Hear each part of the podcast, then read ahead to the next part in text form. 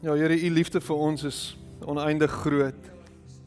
En u liefde vir ons is wyer is wyer is die grootste oseaan, Here. Here, ons sit ver oggend hier voor u, ons staan voor u ver oggend met opgehefte hande en ons wil vir u dankie sê vir dit wat u vir ons gedoen het. Dankie vir die prys wat betaal is, Here. Dankie Here dat u bereid was om te sterf vir ons. Dankie dat u bloed gevloei het vir ons. Dankie dat ons skoon gewas is deur die bloed van die lam. Here, maar dankie dat U die dood oorwin het. Dankie dat dood dood is. Dat die dood nie meer 'n angel het nie. Dat die dood geen meer hou vas het oor ons nie. Here, dat ons ver oggend 'n verreëse heiland het. 'n Verreëse God. 'n Opgestane God, 'n lewendige God. En dat ons in verhouding met U kan staan ver oggend, Here. En dis vir ons 'n voorreg. Dis vir ons 'n voorreg om vir ver oggend na U te kyk en te weet, Here, dat U is lief vir ons. U is lief vir ons.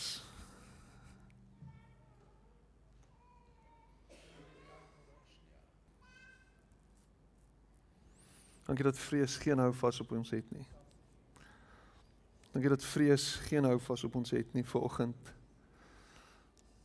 Here, en die feit dat U opgestaan het, die feit dat U die dood oorwin het, gee vir ons hoop vir oggend hoop vir ons lewens, hoop vir ons toekoms, hoop vir hierdie land. Here hoop wat onuitblusbaar is.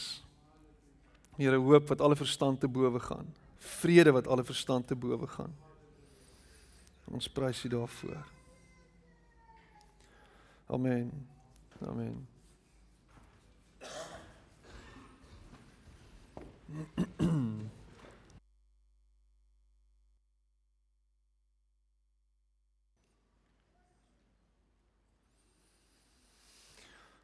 Johannes 20 vers 1. Daardie Sondagmôre was die son nog nie eens op nie. Toe was Maria Magdalena al by die graf. Sy het dadelik gesien dat iemand die groot klip voor die ingang van die graf weggerol het. En toe sy dit agterkom, vlieg sy om en hardloop na Simon Petrus en die ander disipel toe. Dit was die een van wie Jesus baie gehou het. Die Here is nie meer in die graf nie. Hy's weg, hy gesê. Ek weet nie waar hy hom gevat het nie. Petrus storm saam met die ander disipel uit die huis uit. Hulle sit dadelik af graf toe. Die ander disipel het vir Petrus weggehardloop en eers by die graf uitgekom. Dit moes uh, nog 'n vernedering vir Petrus gewees het. Hy steek toe by die ingang vas en loer by die graf in. Net net die linne het daar eenkant gelê en toe Petrus daar aankom, bars hy sommer by die graf in. Hy het ook die linne daar sien lê. Die spesiale lap wat hulle op Jesus se gesig gesit het, het nie die, by die ander linne linne gelê nie. Dit het eenkant alleen gelê, mooi opgevou. En die ander disipel wat eers daar was, het nou ook sy moed bymekaar geskraap en in die graf ingegaan. Daar het hy al die linne sien lê. Dit het hom oortuig dat Jesus regtig is wie hy gesê het hy is. Tot in daardie stadium het hulle nog nie verstaan wat die skrif daarmee bedoel het dat Jesus moes sterf en weer uit die dood moes opstaan nie. Daarna is die twee daar weg, elkeen na sy eie huis toe. Maria het by die graf agtergebly en hartseer gehuil. So deur die trane het sy by die graf ingeloer. Daar presies op die plek waar die liggaam van Jesus gelê het, het twee hemelse wesens gesit. Hulle het helder wit klere aangetree. Die een het gesit waar Jesus se kop gelê het en die ander een by sy voete. "Vir wat huil jy so?" vra hulle haar. "Hulle het my Here se liggaam hier weggevat en ek weet nou glad nie waarheen hulle hom gevat het nie," sê Maria, hartseer. Met die kyk sy om. En daar sien sy iemand staan. Dit was Jesus. Maar sy het hom glad nie herken nie. Jesus vra haar toe: "Waarom huil jy so? Vir wie soek jy?" Maria het gedog as die man wat in die tuin werk. "Asseblief, meneer," smeek Maria. "As jy hom uit die graf gevat het, sê my tog waar sy lijk nou is. Ek sal dit vat en verder daarna kyk." Maria sê Jesus. Sy swaai vinnig om. Rabbi roep sy in Hebreëus uit. Die naam verwys na iemand wat mense leer en moenie my vashou nie sê Jesus. Ek het nog nie na my vader toe teruggegaan nie. Gaan liewer gou terug na my broers toe. Gaan sê vir hulle, ek gaan terug na my vader en julle vader. Ja, ek is op pad na God en julle God. Maria Magdalena is toe daar weg na die ander volgelinge van Jesus toe. Ek het die Here nou net lewendig gesien, roep sy uit. Opgewonde vertel sy alles wat Jesus gesê het.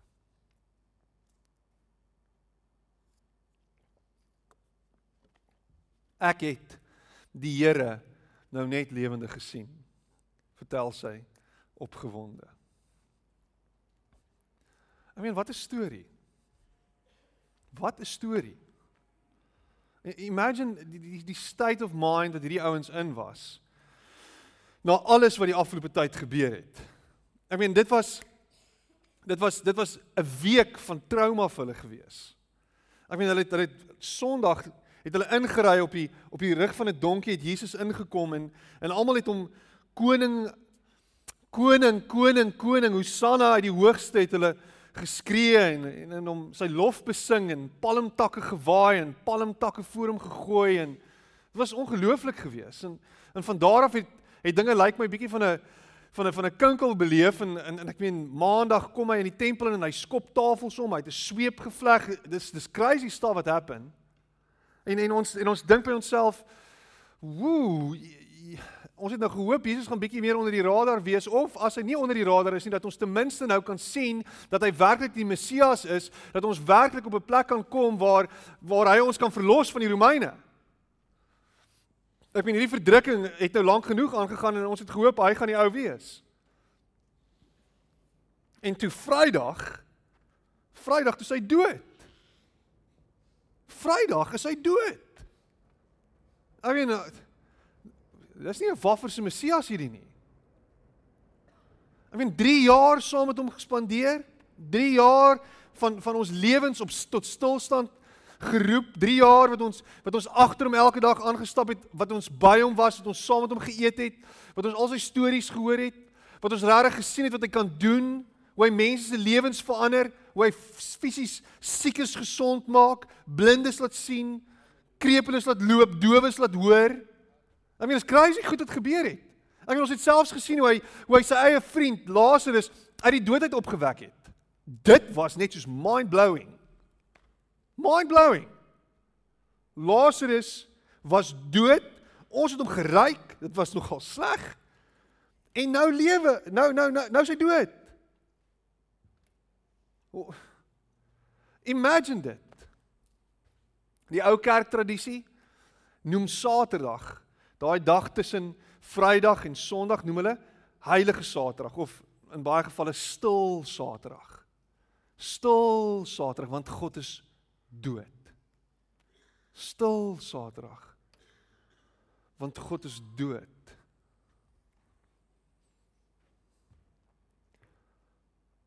God is dood.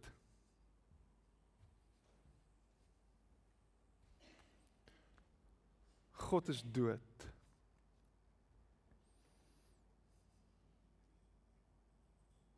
Apparently is God dood. Nietzsche skryf dit. Hy sê once upon a time on a little star in a distant corner of the universe, clever little animals invented for themselves proud words like truth and goodness. But soon enough the little star cooled and the little animals had to die and with them their proud words. But the universe, never missing a step, drew another breath and moved on dancing its cosmic dance across endless skies. Everything will turn to dust. Alles gaan eindig. Alles gaan vernietig word. Alles. En as jy kyk wat aangaan in die wêreld en ouens wat bomme gooi, dan dink jy dit gaan vroeër eerder as later gebeur.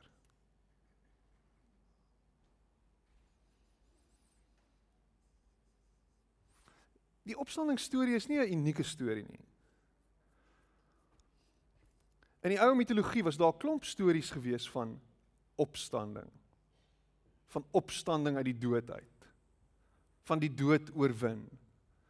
Jesus se storie was nie uniek gewees nie. 'n Een so 'n storie was die Egiptiese god Horus gewees. Sy pa Osiris word doodgemaak deur die donker god Set.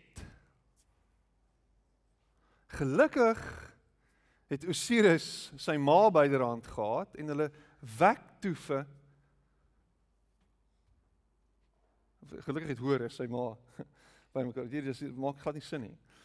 En hulle wek vir Osiris uit die dood uit op. En en Osiris word wakker en toe hy wakker word, kyk hy sy seun in die oë en hy sê vir hom: "Oké, okay, so wat? Wat nou? Wat is die belangrikste ding wat 'n mens wat iemand kan doen in hierdie wêreld?"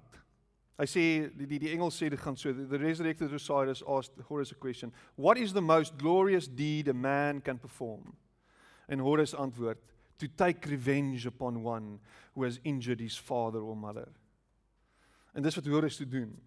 Hy vernietig verset in 'n verskriklike gruwelooslike oorlog, maak hy hom dood. En so word hy die Here oor die hele aarde. Die verskil in hierdie storie is dat Horus was gedryf deur deur haat. Horus was gedryf deur om wraak te neem. Dit was sy dryfveer gewees. Die belangrikste ding wat jy kan doen is om jouself te vergeld. Dit is 'n mite. Dis mitologie. En hier kom Jesus. En Jesus word uit die dood uit opgewek. En hier sit ons vandag 2000 jaar gelede, 2000 jaar later. En meeste van ons het nog nie Osiris se storie gehoor nie. Ons het nog nie reg van Horus gehoor nie. Ons het al van Jesus gehoor. Maar maar, maar Piet, ons is ons is 21ste eeuse wesens, mense met intellek, mense met 'n verstaan, mense met 'n brein. Hoekom hoekom op dese aarde word daar van ons verwag om hierdie storie te glo? Meer nog, hoekom dink mense dat ons so dom is om hierdie storie te glo? I mean, wanneer laas het ons enigstens iets gehoor van iemand wat uit die dood het opgewek word? Wanneer laas het ons enigiets met so 'n storie te doen gekry? Dit gebeur net nie.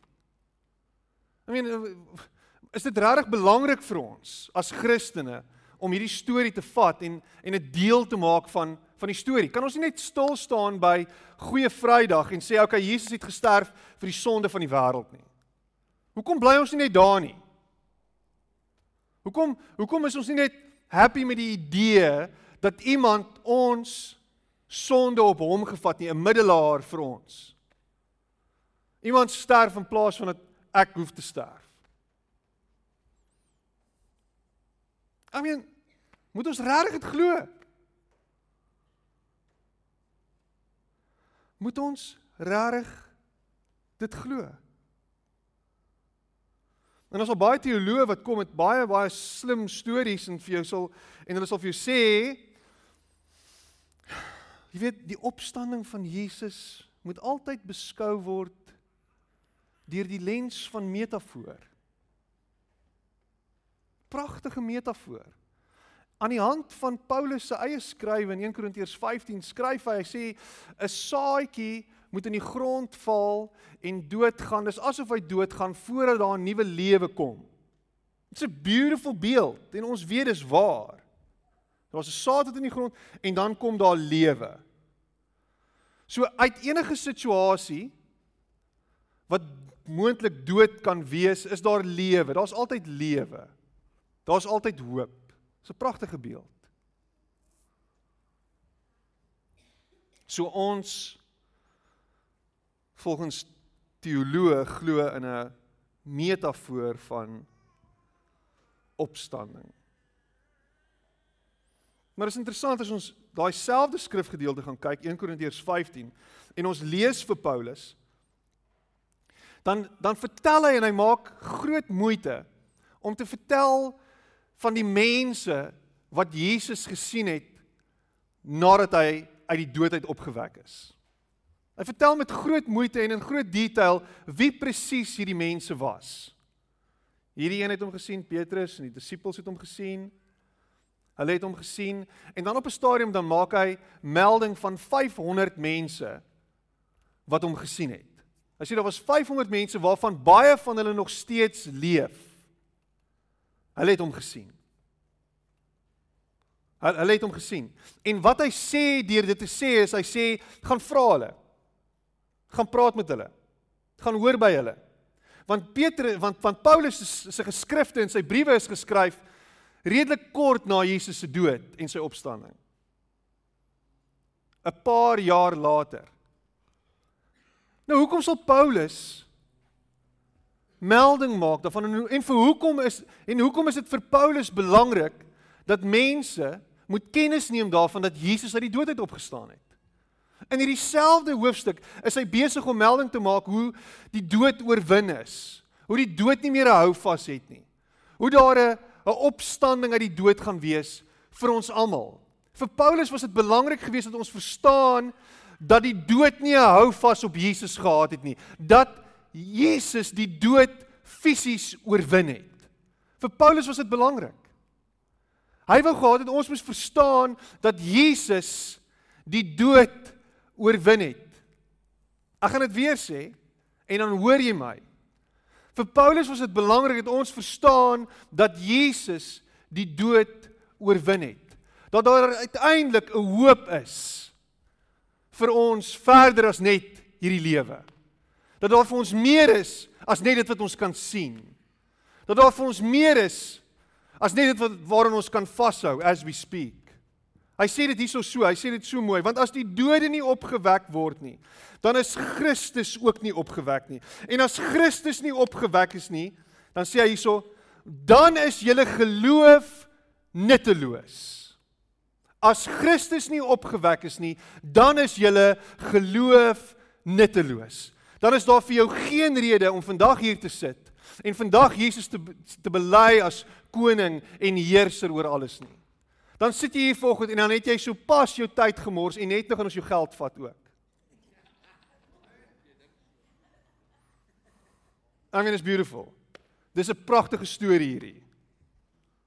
Dis absoluut genut. Dan is julle nog in julle sondes. Dan is ook die wat in Christus ontslaap het verlore. As ons net vir hierdie lewe op Christus hoop, dan is ons die ellendigste van alle mense. maar nou, Christus is opgewek uit die dode. Hy het die eersteling geword van die wat ontslaap het. Want aangesien die dood deur 'n mens is, is die opstanding van die dode ook deur 'n mens. Want soos hulle almal in arm sterwe, so sal hulle ook almal in Christus lewend gemaak word. Maar elkeen in sy eie orde as eersteling Christus, daarna die wat aan Christus behoort by sy koms. Daarna kom die einde wanneer hy die koninkryk van God die Vader oorgee, as hy alle heerskappy en alle gesag en mag vernietig het.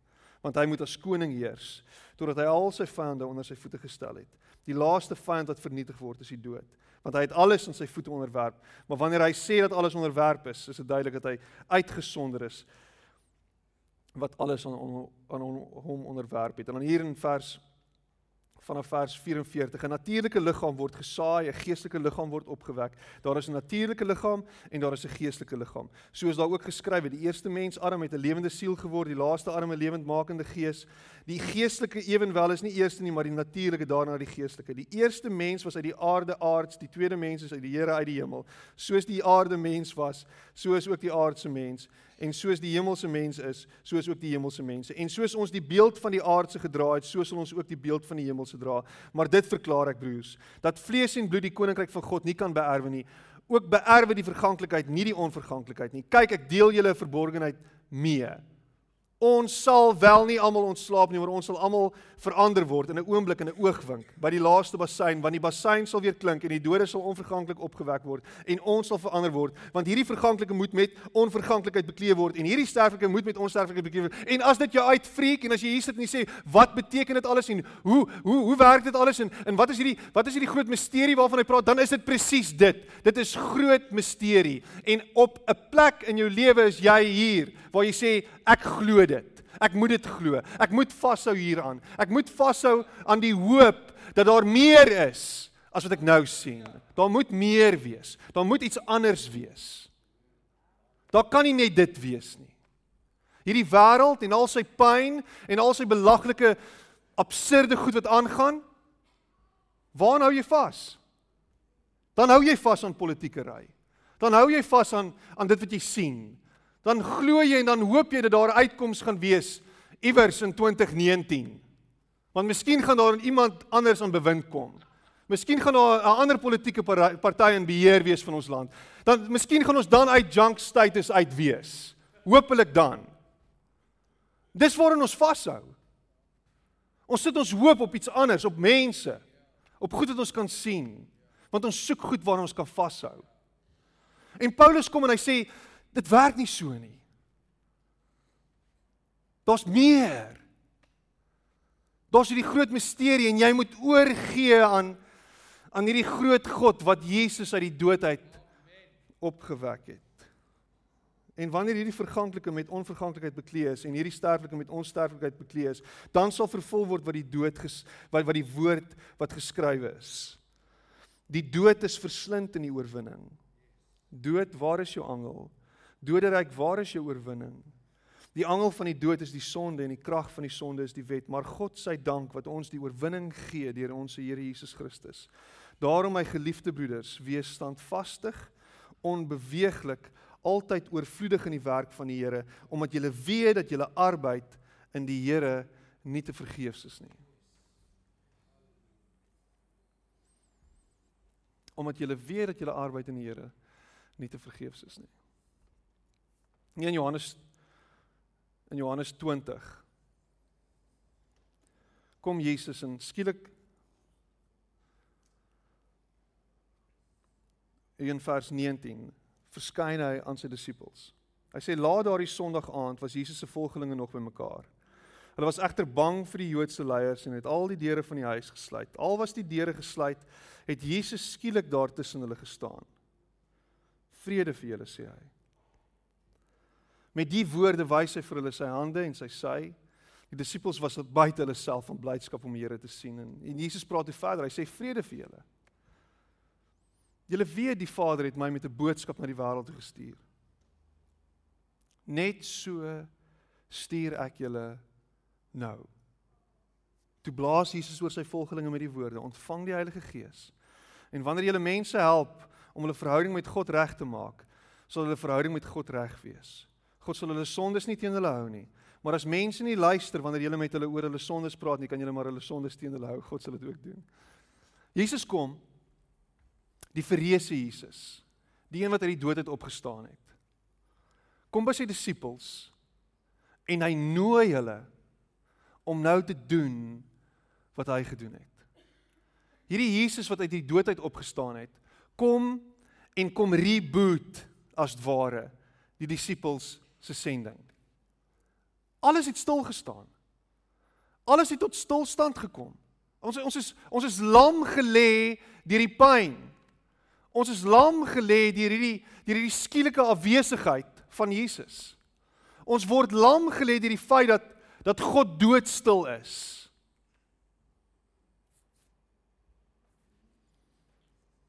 Ons word lam gelê deur die feit dat ons alleen is. Ons word lam gelê deur die feit dat ons hom nie kan sien nie.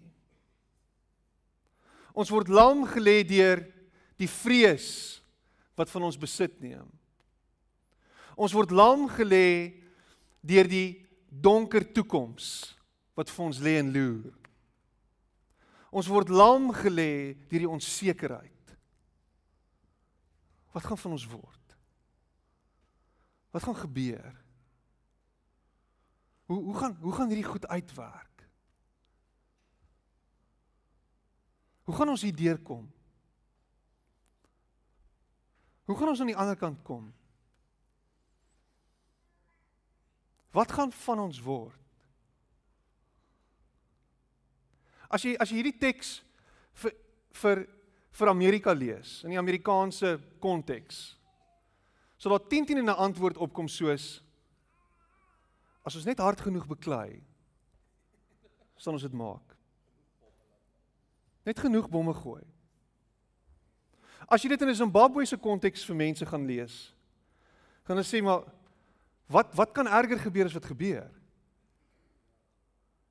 Ons het klaar alles verloor. Ons is klaar plat geslaan. Dan word dit skielik soos daai kelner wat nou die dag vir my sê ek vra hom hoe gaan dit met jou en jy weet hoe voel jy as Zimbabweër en hy sê vir my wel we are praying for Mugabe to die. Dan is jou hoop skielik weer eens op iemand om dood te gaan en om in 'n in 'n nuwe regime wat moet inkom. En, en ons sit met 'n klomp onsekerheid daarmee saam.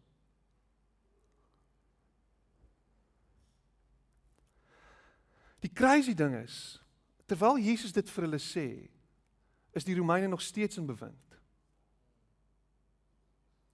Is die Jode nog steeds die ouens wat Jesus doodgemaak het? Het hulle nog steeds die hef in die hand? Het die disippels nog steeds vrees in hulle harte van van wat kan met hulle gebeur? Wat kan kom? Wat gaan kom? Hoe gaan dit hoe gaan dit werk? En al wat Jesus vir hulle sê, al wat Jesus vir hulle kom doen is hy sê vir hulle vrede vir julle. Vrede vir julle. Al wat ek wil hê julle moet hoor is vrede vir julle. Die verreëse Jesus spreek ver oggend en hy sê vir jou vrede vir jou. Vrede vir jou. Hoekom sit jy angstig en rondkyk? Hoekom is jy bang? Ja, maar Here, kyk, kyk hoe lyk dit rondom my. Ja, kyk hoe lyk my situasie. Kyk wat gaan aan in my lewe. Kyk kyk hoe lyk my my bankrekening. Kyk hoe lyk my kar. Kyk kyk hoe lyk my huis. Kyk hoe lyk my verhouding met my kinders. Kyk hoe lyk my kyk hoe lyk my lewe.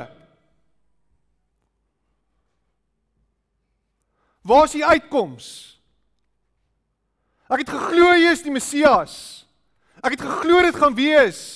Dit gaan alles beter raak. Kyk waar sit ek? Kyk hoe lyk dit? En al wat Jesus vanoggend vir jou sê is vrede vir jou.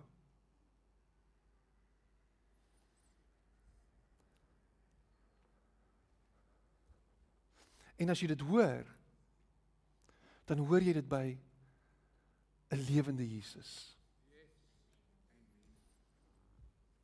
Dan hoor jy dit nie by een wat dood is nie, wat in die graf lê nie. Dan hoor jy dit by 'n lewende Jesus. Vrede vir jou vrede vir jou. En nou, hier's die ding. Moenie bly sit nie. Moenie bly lê nie. Moenie sit en vaskyk aan al die goedes wat aangaan nie, in die gemors nie. Hou op rond kyk en angsbevange wees. Hier's dit. Net soos wat ek gekom het, so stuur ek julle. So stuur ek julle. So stuur ek jou. my lewe Piet. Ek voel nie lekker nie. My liggaam is swak. Solank as wat jy nog lewe, kry Rochelle sê dit so mooi. Hy sê if you're not dead you're not done. If you're not dead you're not done. Hy stuur jou en sê hier's my gees. My gees is by jou. My gees is binne in jou. My gees bekragtig jou en ek wil sien hoe jy beweeg. Ek wil sien hoe jy oorgaan tot aksie. Ek wil sien hoe jy besig is om dit wat ek gedoen het verder te vat. Hoe jy liggaam van Christus is in die hier en die nou. Come on. Ons sit rond. Ons is bly, ons is happy Jesus het vir ons gesterf. Woew! Jippie. Hy het vir jou gesterf. Hy het vir jou gesterf. Jou bloed, sy bloed het gevloei, sy bloed het jou skoon gewas. Woew! Dis beautiful. Maar jy kan nie bly sit nie. Die opgestane Jesus stuur jou saam met hom uit. Sy gees bekragtig jou. Hy vra van jou om te beweeg. Nou ons kon daar gaan bly sit het. Die disippels kon gebly het in hier in hierdie huis waar hulle self toegesluit het en het gesê "Ag, oh, jy weet, uh, Waar is hy nou? Sjoks, hy's al weer weg. Het ons nie dalk net te veel gerook nou nie? Wat het ons nou het ons nie net te veel bietjie te veel wyn gehad nie, het ons het het ons dit verbeel. Het ons ons ons het ons onsself en ons gaan maar net weer verder deur emotions. Nee. Daai ontmoeting, daai daai daai daai daai openbaring, daai hier is Jesus het hulle geruk tot op 'n plek waar hulle sê, "Wow, dit hierdie het gebeur. Hy was hier. Hierdie is hierdie is merkwaardig. Ons kan nie net stil sit nie." En as Jesus se opstanding uit die dood uit net 'n gefabriseerde storie is, 'n storie wat uit die duim uit gesuig is, hoekom het elke liewe disipel op 'n griesame wyse gesterf? Ek moet vir jou sê, ek gaan nie vir 'n hoax doodgaan nie. Ek gaan nie hierdie game speel en selfs doodgaan daarvoor en hierdie ons fake hierdie hele storie man. Jesus het nie regtig opgestaan uit die dood nie. Hy's daar begrawe. Maar kom ons kom ons fake dit totdat ons doodgaan. Totdat hulle ons onderste bo kruisig. Kom ons fake hierdie hele storie. Kom ons kom ons word martelare. Kom ons gaan dood vir 'n dooie Jesus. Nee. Nee. Die bewys was daar. Hy was daar. Hy was tussen ons. Hy het tussen ons beweeg. Ek het sy hande gesien. Ek het sy sy gesien. Hy het my vrede gegee. Sy gees is binne in my. Ek het geweet, het iets met my gebeur. Ek kan nie anders as om net te beweeg nie. Ek kan nie stil sit nie. Ek kan nie stil sit al lyk my lewe hoe sleg nie. Ek kan nie net op my lauwere rus nie. Ons as Christene kan nie net sit en sê, "Ag, oh, Jesus het vir my gesterf. O, oh, nou sit ek en ek is lam gelê deur al hierdie goeders wat aangaan rondom my nie." Ons moet beweeg. Hierdie wêreld moet verander word. Hierdie wêreld moet hoor van Jesus se heerskappy. Hierdie wêreld moet hoor dat hy die God van vrede is en nie van oorlog nie. Hierdie wêreld moet sien dat hy die God van liefde is, dat hy die God van vergifnis is. Die wêreld moet dit sien, hulle moet dit beleef. En wie anders gaan dit vir hulle wys? Hy? Jy. Hy deur jou. Dis wat gebeur. As Jesus dood was, kon ons hier gesit het en gesê, "Wow, dis kumbaya, kumbaya, dis amazing geweest. Great, dankie vir dit." Maar is nou verby. Kom ons gaan huis toe. Kom ons gaan eet en gaan ons gaan drink en dan dan kan ons doodgaan soos Paulus sê. Gaan lees dit. Let's party. It's great. Hy het iets besonders. Hy was 'n great ou geweest, by the way. Jesus. Great, amazing. Beautiful story, beautiful story. Great, great, great story. Baie soos Osiris en Horus en is is, is pragtig. Maar kom ons gaan huis toe. Jy word geroep om deel te wees van sy storie. Jy word geroep om sy storie van genesing en herstel en van verlossing te bring na hierdie wêreld toe. Jy omdat hy leef. Omdat hy leef. Lank genoeg het jy stil gesit en jouself jammer gekry. Why me Lord? En baie Christene bly daar. Alles wat met my gebeur het is onregverdig. En dit is 10 teen 1. Hoekom hoekom is my man weg? Hoekom is my vrou weg? Hoekom het my kind sy rug op my gedraai? Hoekom? Hoekom het ek my werk verloor? Hoekom? Hoekom is my familielid doodgemaak op die plaas? Hoekom? Hoekom? Hoekom het hy gesterf? Hoekom? Hoekom is hy doodgemaak op 'n sinnelose wreedaardige wyse? Hoekom is my kind gemolesteer? Hoekom? En ons bly vashou in hierdie pyn. Ons bly vashou in hierdie seer. En kyk vir my. Kyk vir my. Dis verskriklik wat gebeur het. Dit is. Dit is verskriklik. Dit moes nie gebeur het nie.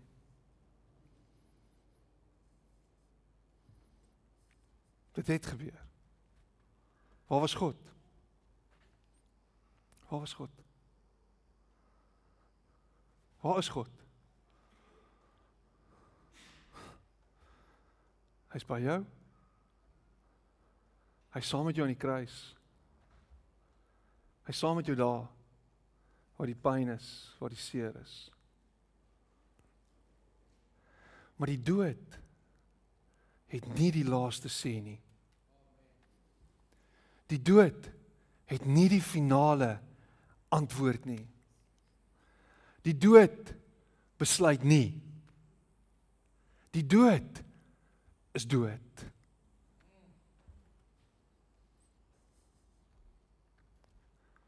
Ah, Piet, ek hoor jou. Dis pragtig. Dis mooi. Dis mooi. My situasie is egter redelik dood. Redelik dood. Eintlik heeltemal dood. It's tremendously dead.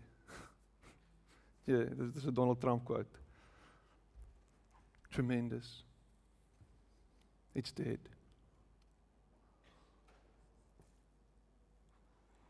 Jesus was dood. En dieselfde krag wat Jesus uit die dood het opgewek het. Dieselfde krag wat Jesus uit die dood het opgewek het, is werksaam in jou en in jou lewe. Is werksaam in jou situasie. Is werksaam in jou verhouding. Is werksaam by die werk. Is werksaam by die huis. Is werksaam in hierdie land van ons. Is werksaam in hierdie wêreld. Maar dit vra en dit kos ons as Christene om hierdie krag los te maak. Dit kos ons om hierdie krag los te maak en dit sal slegs losraak as ons oorgaan tot aksie. Dit sal sleg los slegs losraak as ons beweeg. En God vra van jou om te beweeg, om jou buurman lief te hê, om jou baas wat 'n aap is lief te hê. En ek bedoel dit nie rassistiese wyse nie.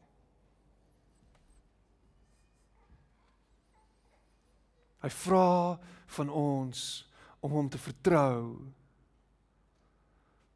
Bo alle bo alle bo alles wat bo alles wat jou verstand te bowe gaan.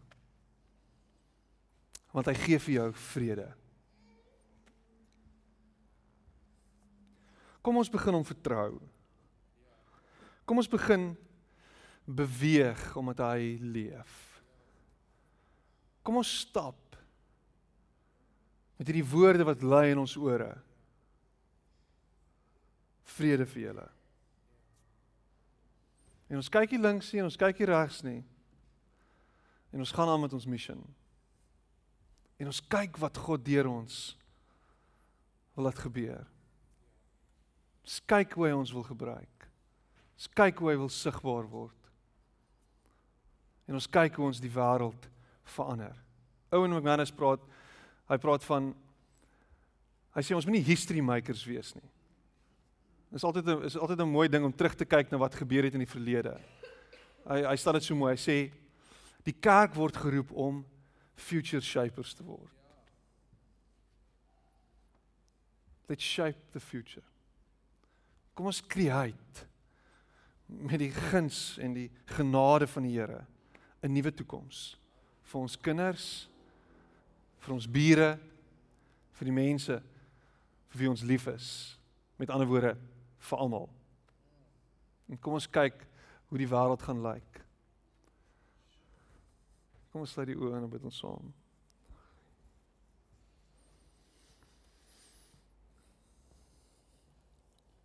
Here, dis 'n groot misterie.